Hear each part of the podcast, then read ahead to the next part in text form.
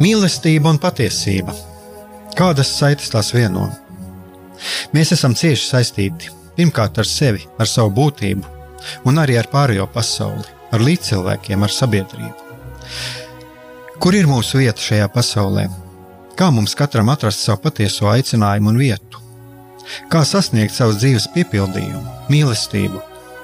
Kādi šķēršļi gan mūsu sirdī un prātā sastopamie, gan ārējie aizķēso mūsu ceļu pie Dieva? Šie jautājumi ir mūsu dzīves sastāvdaļa, svarīgi mūsu ceļā uz svētumu. Meklēsim šajā raidījumā kopā atbildes uz šiem jautājumiem. Ieklausīsimies, ko Dievs mums vēlas pateikt ar visu, ko sastopam savā dzīvē. Lai mūsu sirds un prāti atveras mīlestībai un patiesībai, raidījums mīliet cits citu.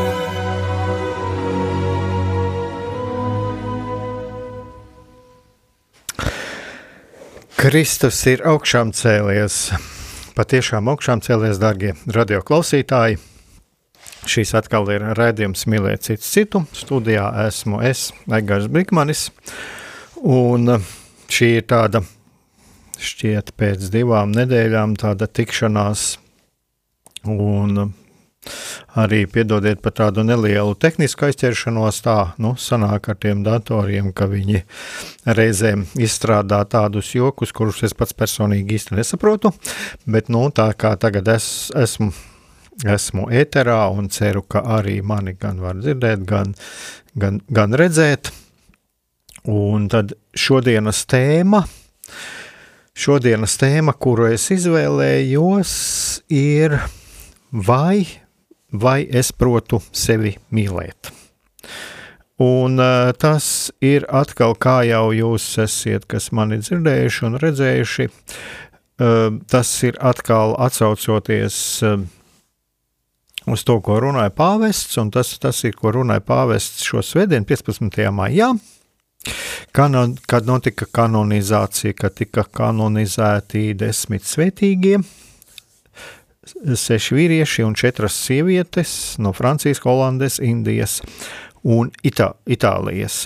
Bet es netik daudz par šo kanonizāciju, to var arī atrast, atrast internetā, gan Vatikāna radio mājaslapā, bet es tieši par, par šo, to, ko teica pāvests un ko teica pāvests savā homīlijā. Un ceļš uz svētumu būtībā jau iet caur, caur mīlestību. Un uh, es pat teiktu tā, ka viens no tādiem priekšnoteikumiem ir uh, sajusties mīlētam. Man iznāca arī vakar tāda neliela saruna arī par šo mīlestību, par šo mīlestības pieredzi. Un tā problēma ir tā, ka, jā, es nejūtos mīlēts, bet, un es nejūtos mīlēts, un es varu dzīvot ļoti pareizu dzīvi un darīt ļoti pareizas lietas bet es to nedaru caur to, ka es jūtos mīlēts un ka es to daru mīlestības dēļ, varbūt arī, te, lai nesāpinātu Dievu. Bet tāpēc, ka es pildu likumu, es eh, baidos no dieva, baidos sagrēkot, eh, kas atkal ir jā, pilnīgi normāli. Mēs baidāmies sagrēkot, bet tāpēc, ka es baidos no dieva soda. Un ievērojot tādu niansi, baidos no dieva soda. Vai arī es negrēkoju tāpēc, ka es jūtos mīlēts, un es negribu sāpināt to, kurš mani mīl. Nu, lūk, tā, un eh, tad, ja gadījumā, ja es nejūtos īsti mīlēts, es varu dzīvot pareizi, bet ir te ļoti liels risks, ka es varu iekrist uh, tieksmē, moralizēt, un es kļūstu tāds uh, moralizētājs, kurš uh, ir centrēts vairāk uz, jā, uz to apkārtē esošo ļaunumu, pasaulē esošo ļaunumu, grēku, un, jā, un es vairāk tad esmu nevis kristocentrisks tādā gadījumā, bet teikšu tā, grēkocentrisks. Vai gadījumā nav tā, ka mēs arī esam pamanījuši tādā, arī tādā publiskajā vidē, ka kristieši ļoti bieži izpaužās tieši tādā veidā, ka viņi tik ļoti daudz runā par grēku, runā par, par slikto, par, par tām par baušļu pārkāpumiem, gan tur, kur tas ir reāli, gan tur, kur tas ir mūsu pašu fantāzijās bieži vien. Tik daudz par to runā, ka dieva vārds, pats Jēzus, tiek atstāts tā kā ēnā, tā kā novārtā. Un, lūk, un šis kristietis kļūst par tādu ļoti agresīvu, cie, savos cietokšņa mūros ieslēgušos kristieti, kurš iznāk no saviem mūriem nevis tāpēc, lai saprastu pasauli, bet vairāk, lai aizstāvētos un lai uzbruktu, un lai uzbruktu gan, bija, diemžēl tā sanāk, gan tiešām, nu, ir reāli ienaidnieks, bet arī šiem iedomātiem ienaidniekiem, un kura ticība pamatā balstās nevis, eh, nevis eh, raugoties uz Jēzu, uz to ceļu, uz ko Jēzus mūs aicina, bet kurā ticība vairāk balstās šajā sevis pareizības apziņas cietoksnī un tādā agresivitātē pret visu pasauli. Tas ir lūk tāda mana, mana mazliet tāda refleksija par to, ko es tā domāju, pie kā var arī mūs novest šis mīlestības trūkums. Un, bet tagad es gribu atgriezties pie tā, ko runāja pāvests. Jo, ja mēs paskatāmies uz šiem svētajiem, tad es domāju, ka mēs atradīsim tomēr vienu, vienu ļoti tādu tipisku niansi, ka viņos tomēr ir, ir bijusi, jā, viņi ir redzējuši to un reizēm arī norādījuši uz to, kas ir pasaulē, ir eh, slikts, kas būtu, eh, kam būtu jāmainās, bet eh, viņi to ir veikuši šīs izmaiņas centušies veikt pasaulē, viņi sākuši ir ar sevi, ar savas dzīves piemēru un ar centieniem saprast otru, saprast to, kas notiek, to, saprast to, kas notiek arī pasaulē, un, un arī mēģināt ieklausīties. Un, lūk, tā tad tagad atgriežoties pie pāvesta, to, ko teica pāvests šajā sprediķī, kas bija arī veltīts šim pasākumam 15. maija. Tātad Ko runā pāvests? Pāvests runā to, ka būt Jēzus māceklim un iet svētuma ceļu nozīmē ļaut dieva mīlestības spēkam sevi pārveidot. Un eh, te uzreiz eh, es eh, domāju, ka daudziem tāda izjūta būs, kāda arī pārņem mani. Ja uzreiz rodās jautājums, ko tas man nozīmē? Ļaut dieva mīlestībai sev pārveidot. Kā, kā es to saprotu? Un sākotnēji mums visiem, un tas, es domāju, ir pilnīgi normāli, nu, vismaz es tā domāju, ka lielākajai daļai šie vārdi ir vienkārši abstrakti. Tas ir kaut kas abstrakts, nu, jā, nu, ļaut dieva mīlestības spēkam sevi pārveidot. Bet vai mēs esam padomājuši par to, ko nozīmē šis mīlestības, dieva mīlestības spēks? Kādā veidā tas izpaužās un kā mēs to piedzīvojam, katrs personīgi. Un eh, pāvests arī atgādina par, par šo Jēzus aicinājumu mācekļiem, ko viņš izteica pirms aiziešanas no šīs pasaules. Un lūk, šeit ir arī tas pāvesta, pāvesta atgādinājums. Kā saka arī pāvests atgādina, ka lūk, ir ir šie vārdi, kas izsaka kristiešu būtību. Tātad, ko teica Jēzus? Lai tāpat kā es jūs mīlētu, arī jūs cits citu mīlētu. Jūs zināt, arī šis raidījums uh, ir tā saucās. Un lūk, šeit ir pāvests, ko saka pāvests. Tas ir testaments, kādu mums ir atstājis Kristus. Mīlestības baušļa īstenošana dzīvē apliecina, ka mēs esam Jēzus mācekļi. Un pāvests eh, aicināja par šo pārdomāt. Tāpat kā es jūs mīlēju, lai jūs cits citu mīlētu. Tā tad eh, šī savstarpējā mīlestība, mīles, mīlēsim cits citu, tas ir tas, uz ko mūs aicina pats Jēzus. Bet ieklausoties arī eh, šajā Jēzus un pāvesta teiktajā, varam arī uzdot sev jautājumu, Kā mums to izdodas īstenot savā dzīvē? Vai es mīlu tā, kā uz to aicina Jēzus? Un vai es pats šādu mīlestību saņemu? Cik daudz mēs paši to savā dzīvē piedzīvojam? Vai varbūt mēs pat to nepamanām?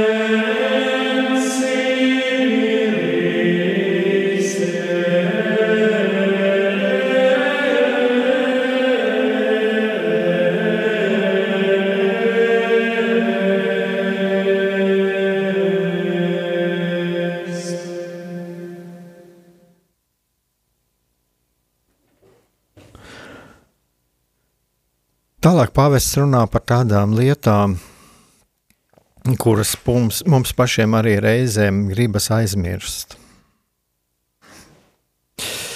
Atstātības, nodevības sāpes un tumsu, kuru mēs reizēm piedzīvojam savā dzīvē.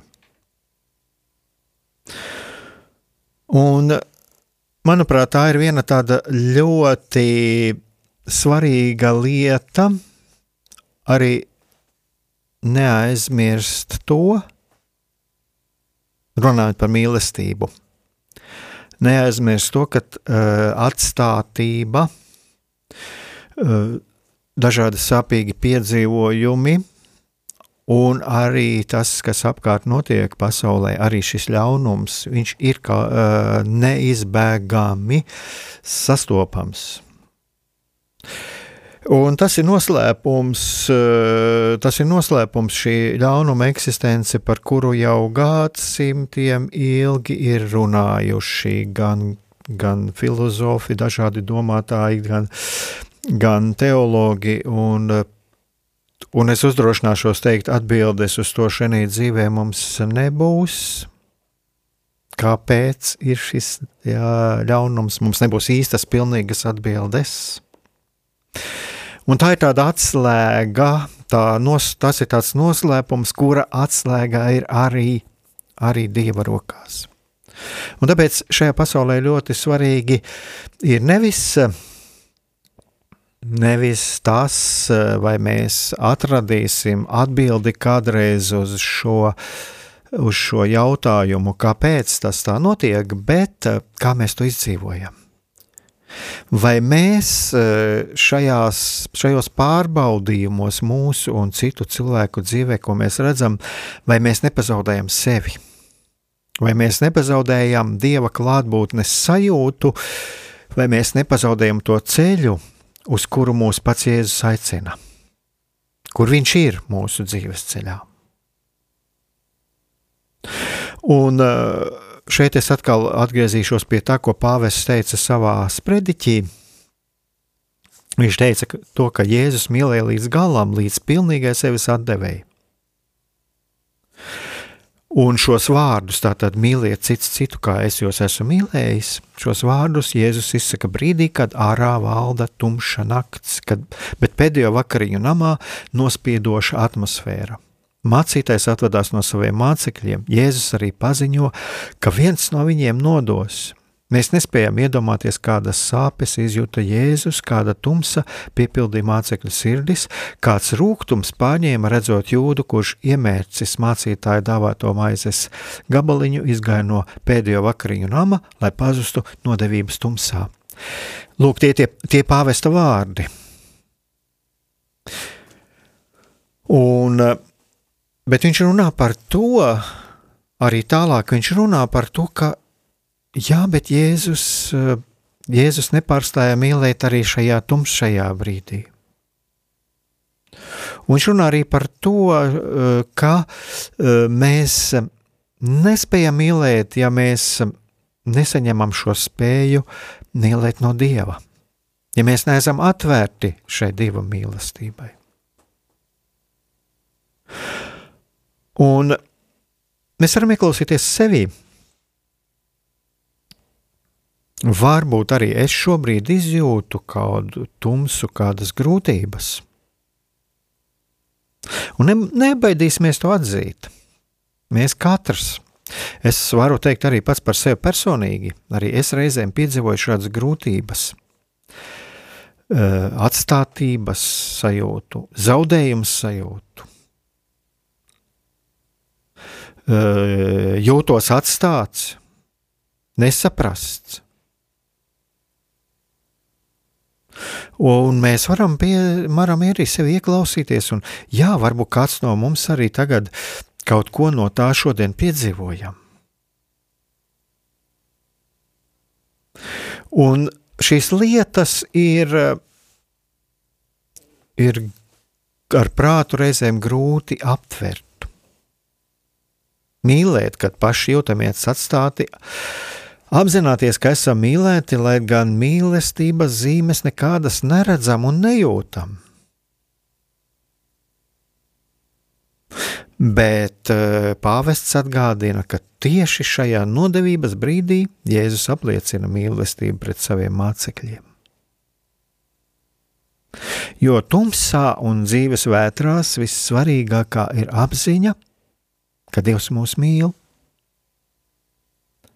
Lūk, šie tie pāvesta teiktie vārdi. Un pāvests mūs aicina nekad, nekad neaizmirst šo patiesību. lai šis vēstījums kļūst par mūsu ticības apliecinājumu un izpausmi. Un pāvests tālāk runā arī par šo, kad nelikt centrā mūsu spējas un panākumus, bet dieva nesautīgā mīlestību, ko esam saņēmuši par velti. Šajā raidījumā jau ir gan es esmu runājis, gan arī šie uzaicinātie cilvēki runājuši par to, cik bieži mēs cenšamies nopelnīt no Dieva mīlestību. Un atkal šeit nevajag iekrist galējībās. Es nekādā gadījumā neaicinu to, lai mēs tagad gaidītu no Dieva mīlestību un pasīvi to gaidītu. Nē, Pāvests arī aicina, un pats Jēzus mūs aicina mīlēt citu citu, tātad veikt šos mīlestības darbus, šos mīlestības kalpojumus. Bet eh, šķiet tas saskan arī ar to, ko es jau teicu pašā raidījuma sākumā, ka mēs cenšamies kādreiz nopelnīt šo mīlestību. Mēs viņu cenšamies nopelnīt nevis dēļ mīlestības, bet tāpēc, ka mums tā ir iemācīts. Mums kāds, kāds moralizējot, ir iemācījis, mums kādreiz iemāca to e, bērnībā, kad e, mēs cik daudz nav dzirdēti šie stāsti. Es pats esmu dzirdējis, kā cilvēks vēl pieaudzis ar asarām acīs stāsta, kad es nekad, nekad nepaņ, nesaņēmu pateicību e, par to, ko es esmu labu izdarījis vai reizēm es saņēmu šo pateicību, kad es kaut ko izdarīju, bet, ja es kļūdījos, tad uh, es tiku tik ļoti kritizēts un, un dažādos veidos nosodīts. Ka viss mūžs paiet, uh, viss mūžs paiet tālāk, lai nopelnītu atzīšanu un mīlestību kolēģu, citu cilvēku uh, laulāto starpā. Bet uh, Jēzus runā par visam par kaut ko citu, un arī pāvests mums atgādina par pavisam par kaut ko citu. Apzināties to, ka mēs esam mīlēti, un apzināties to, ka mēs esam mīlēti arī tajā brīdī, kad mums varbūt pienāk šis, šis mūsu dzīves tumšākais brīdis. Do you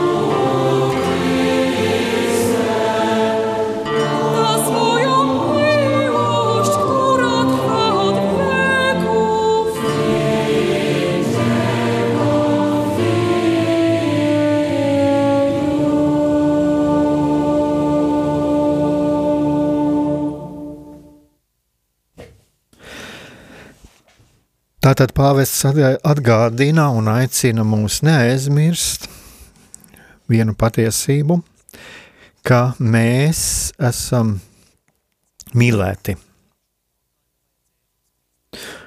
Un viņš jau pieliek tādu lietu, kas tas ir šeit ir pāvesta vārdi. Kamēr pasaule mūs cenšas pārliecināt, ka mums vērtība ir tikai tad, kad kaut ko sasniedzam, evaņģēlijas nemitīgi atkārto: Dievs mūs mīl. Tad, tad, lūk, es arī par to runāju jau pirms muzikālās pauzes, kā mēs tik ļoti cenšamies kādreiz nopelnīt mīlestību gan, gan citu cilvēku, gan dieva priekšā, bet uh, mums ir svarīgi apzināties to, ka mēs esam mīlēti.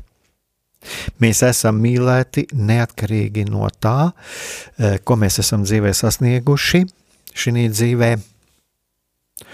Un uh, kā mums dzīvē veids. Un es vēl varētu piebilst arī to, ka uh, patiesībā šī apziņa, ka es esmu mīlēts, tas ir tāds atspēriens manā dzīvē un arī manas dzīves veiksmēm. Un tad vēl vienreiz atgriezīšos arī pie tā, pie kas man šķiet ir ļoti būtisks un ar ko mēs nākam, ar ko nākas saskarties un, un man nākas saskarties arī ikdienā ar cilvēkiem saskarsmēm, ar ko cilvēki cīnās. Un arī atgādināt par to vienmēr katram mums sev atgādināt, vai manas domas un izjūtas nav pārāk piesaistītas gan pašu neveiksmēm un grēkiem, gan arī netaisnībām, kuras notiek pasaulē. Un, protams, ir labi, ja es spēju tās pamanīt, jo tad arī ir iespēju robežās es varu ar Dievu palīdzību, varu censties tās mainīt. Tur, kur ir šī mana iespēja tās mainīt. Un arī jā, ļoti svarīgi apzināties šīs robežas, ko es varu mainīt un ko es vienkārši atstāju dieva ziņā, vai kāda cita cilvēka ziņā, kurš ir vairāk spēj tās lietas darīt, atlaist tātad to, kas nav manā varā. Bet, jā, uzdot sev, jaut, sev jautājumu, vai tās lietas, kas notiek ar mani, kas man nepatīk, gan sevī, gan pasaulē, vai tās mani nepārņem un nenomāc tā, ka vairs es nespēju ieraudzīt uh, dieva klātbūtni ne pasaulē, ne arī savā dzīvē. Un, jā, es atkal atgriežos, un tā atkal būs varbūt arī tāda mazliet atkārtošanās, bet es atgriežos arī tieši tāpat, ko arī pāvests runā, tad viņš skaidro par to, ka daudz uzskata, ka svētums ir mūsu pūliņu rezultāts, balva par pašaizliedzīgu kalpojumu. Bet šādā veidā svētums tiek, tiek pārveidots par grūti sasniedzamu mērķi, atrauc no ikdienas dzīves. Svētumu varam īstenot ikdienas pienākumos, ielas putekļos, dzīves grūtībās, un kā Svētā Terēza no Avilas mācīja savas māsas arī starp virtuves kastroļiem. Būt par Kristus mācekli un iet svētuma ceļu nozīmē ļaut, lai Dieva mīlestības spēks mūs pārveido. Lūk, tie pāvesta vārdi. Un uh, ir tāda ļoti uh, man pašam, mani pašu personīgi ļoti uzrunā arī tas, ka lūk, šis svētums īstenojas uh, ikdienas pienākumos, ielas putekļos, dzīves grūtībās un starp virtuves kastroļiem arī. Un eh, es uh, atceros, šeit uzreiz mani man ir grūti atcerēties, kurš to teica, bet nevienu reizi vien es arī mūsu pašu katoļu baznīcas autori ir runājuši un rakstījuši par to, ka Svētie ir mums šeit pat blakus. Mēs zinām kanonizētos svētos, bet ļoti daudzi ir, kuri ir pie Dieva, kuri, kurus mēs nezinām. Kuri ir bijuši, vai tie ir bijuši ģimenes cilvēki, garīgās kārtas pārstāvji, vai, vai vienalga kādi cilvēki, kas ir veikuši kaut kādus savus pienākumus, kuri ir uh, šo svētumu nopelnījuši pie Dieva, kuri ir sasnieguši šo svētumu, kurus mēs nezinām. Bet viņi ir, viņi ir. Un vēl viena tāda lieta, kuru arī ir, mēs zinām ļoti daudz, eh, vismaz, bet tā ir tāda mana personīga pieredze, ka mēs esam saskaramies ar šo triumfālo ainu, kur ir šie mm, svētuma varoņdarbi, šo svēto tic, ticības varoņdarbi, bet uh, Mēs varam paskatīties arī, lai mēs nejūtamies vientuļi savā dzīvē, kādreiz paskatīties arī uz to un apzināties, ka arī šiem svētajiem bija šie klupieni viņu ceļā uz svētumu. Viņiem bija šie klupieni, un, bet uh, viņi ticībā, ka viņi ir mīlēti, ka Dievs viņus ir ar viņiem, ka Dievs viņiem piedod, viņi, viņi pieceļās un iet tālāk. Un šeit man nāk prātā viena homīlija, ko kāds priesteris teica, ko es pats dzirdēju pirms eh, kādām, nu jau būs pagājušas drīz divas nedēļas.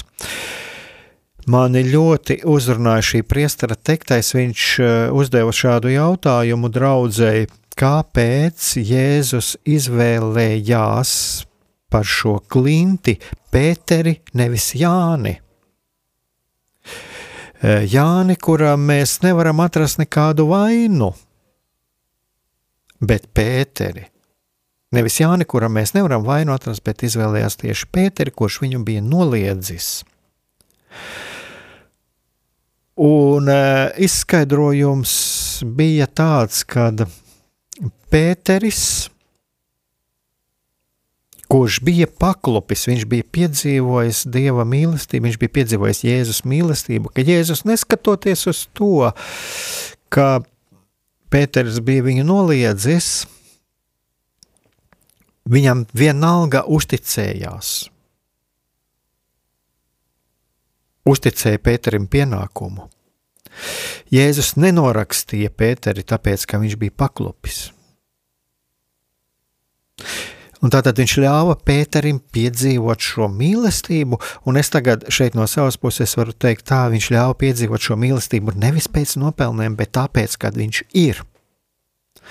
Un, un vēl viena lieta, ko šis priesteris pieminēja, ko es domāju, arī mums ir ļoti svarīgi atcerēties, ka Pēteris bija paklupis. Viņš zināja, ko nozīmē paklupt, un līdz ar to viņš ir žēlsirdīgs pret tiem cilvēkiem, kuri ir paklupuši.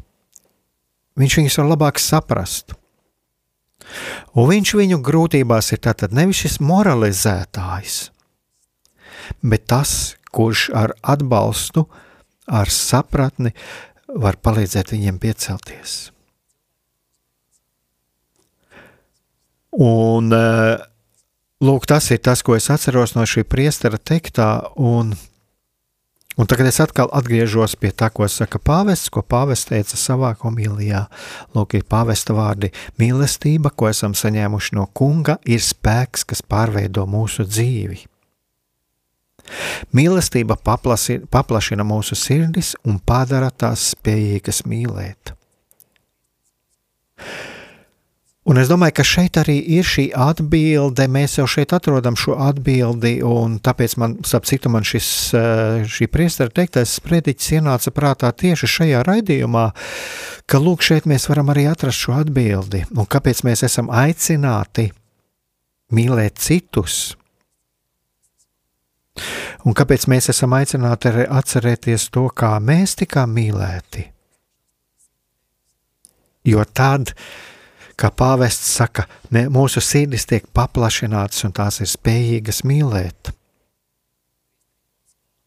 Un tad mēs vairs nevis mm, mīlām tā, nevis tāpēc mēs darām šo labo darbu, ka mēs vienkārši gribam nopelnīt, bet tāpēc, ka mēs pēc būtības mūsu sirdī ir ielikts tas, ka mēs vēlamies otram labu. Mēs esam spējīgi mīlēt. Tāpēc, ka mēs paši esam saņēmuši šo mīlestību. Un mēs vairs nevis moralizējam šim cilvēkam, kurš ir paklupis, bet mēs ejam viņam ar atbalstu, ar atbalstu mēģinot viņu saprast, cenšoties viņu saprast. Un tās lietas, ko mēs viņam sakām, arī norādot uz viņa grēku, mēs to darām nevis viņa tiesājot, bet mīlestībā. Pēc būtības, nevis veidojot pēc sava pēc sava šablona, bet vēlot viņam labu, vēlot labu viņam, viņa dzīvē, viņa dvēselē. Lūk, un tas, tas, tas, es domāju, ir arī šī atbilde šeit mēs varam atrast, ko nozīmē piedzīvot šo mīlestību. Tieši šis piemērs ar Pēteri, kuram, kuram Jēzus uzticēja veikt šo pienākumu, neskatoties uz to, ka viņš paklupa. Un es domāju, pat arī tāpēc, ka viņš paklupa. Arī tāpēc, ka viņš paklupa, jo tās bija piemērs šim paklupušajam cilvēkam, kurš ar ļoti dziļu vainas apziņu bija, šas, bija, tas bija iespēja viņam piedzīvot piedo, piedošanu un mīlestību kas ļāva viņam tālāk viņa dzīvē iet attiecībās ar citiem cilvēkiem, iet ar izpratni un ar patiesu mīlestību.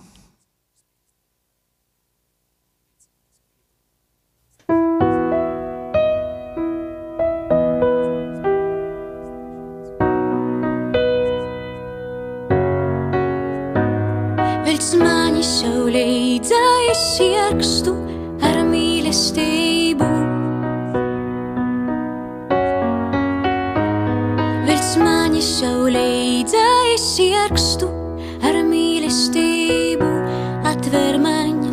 Ieju pie tevis, pēc manis saulīdza es ierakstu ar mīlestību.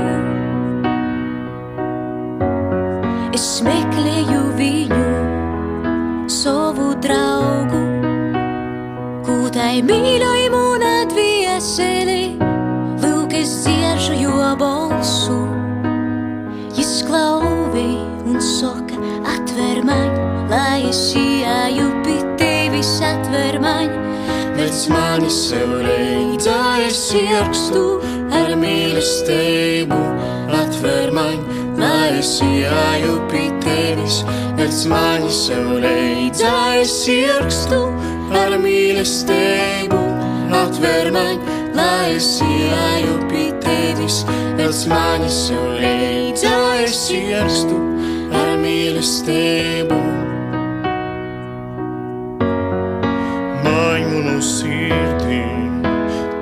Esi pajāmusi ar vīnu savas acis skotu, līdz atskaņiet balsam, līdz man jo dzirdēt.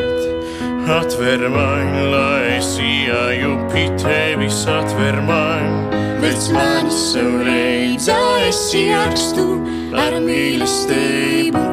Atver man, lai es ieju pie tevis, pēc manis sev reidzā es ierakstu ar mīlestību. Atver man, lai es ieju pie tevis, pēc manis sev reidzā es ierakstu ar mīlestību.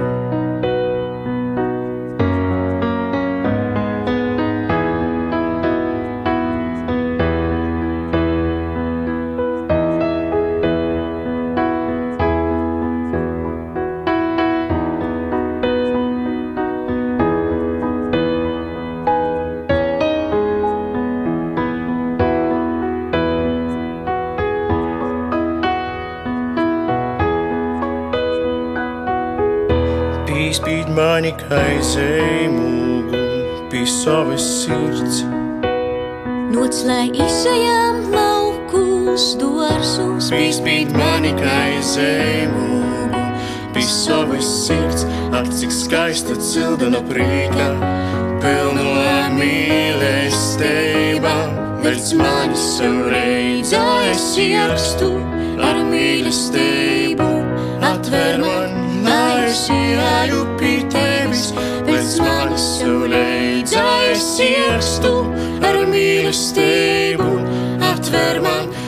ierakstu ar mīlestību. Atver man, lai es ieju pie tevis, līdz mani sev reidzā es ierakstu ar mīlestību. Līdz mani sev reidzā es ierakstu ar mīlestību. Vēlts mani sev leidzā es ierakstu ar mīlestību.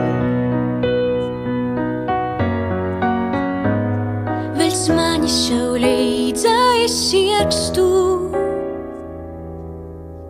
ar mīlestību.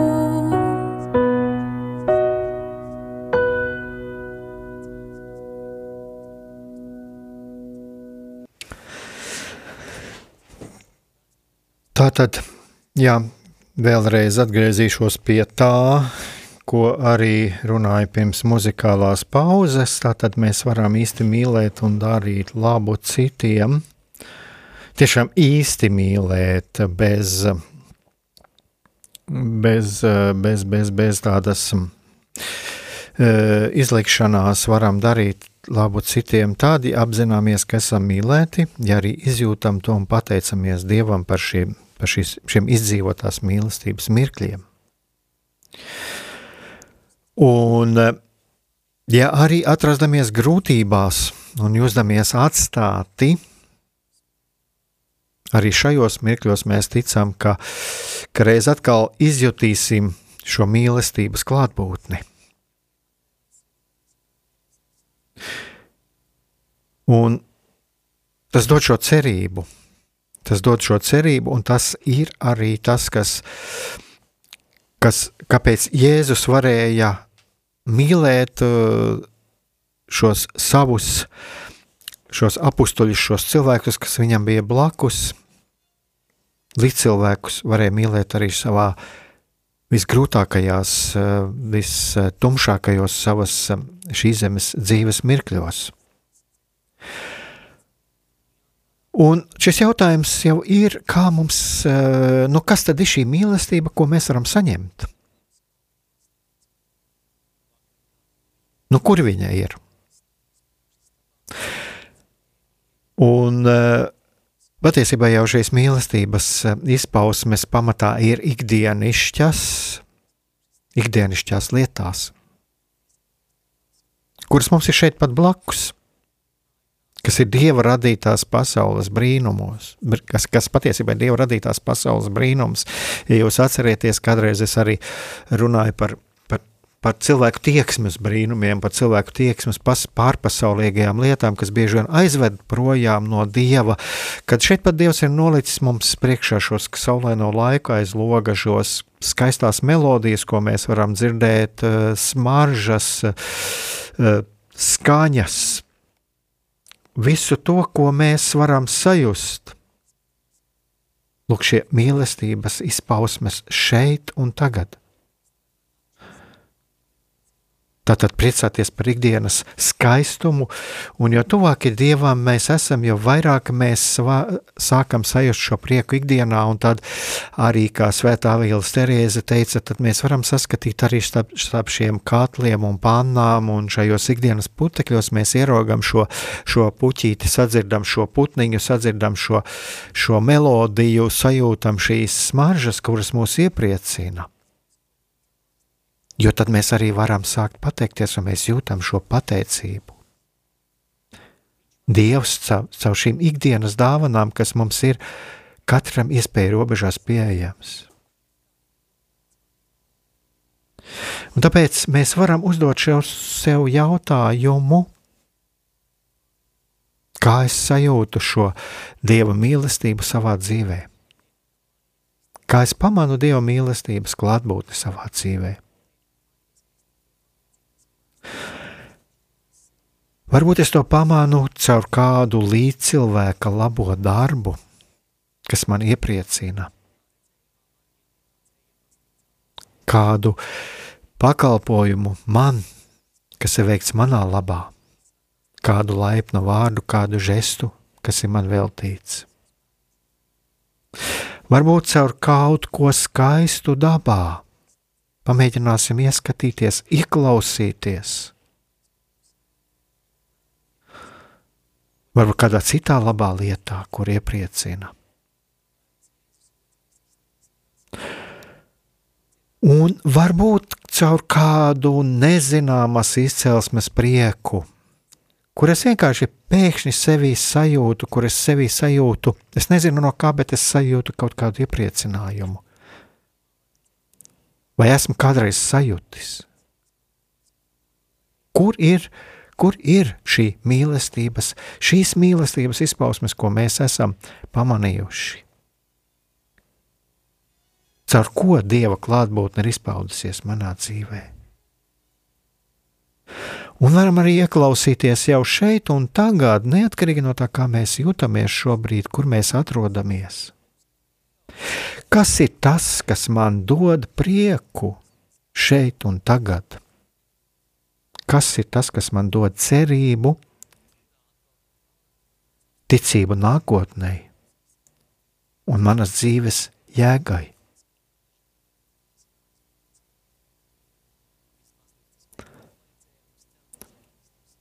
Kristus ir augšām cēlies. Viņš ir patiesi augšām cēlies.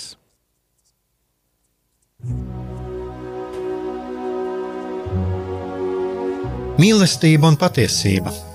Kādas saites tās vieno?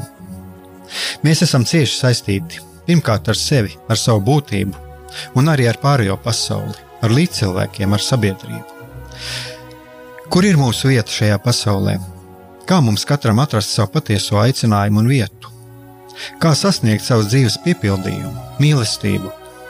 Kādi šķēršļi gan mūsu sirdī un prātā sastopamie, gan ārējie aizķēso mūsu ceļu pie Dieva? Šie jautājumi ir mūsu dzīves sastāvdaļa, svarīgi mūsu ceļā uz svētumu. Meklēsim šajā raidījumā kopā atbildes uz šiem jautājumiem. Ieklausīsimies, ko Dievs mums vēlas pateikt ar visu, ko sastopam savā dzīvēm lai mūsu sirds un prāti atveras mīlestībai un patiesībai. Raidījums mīliet citu citu.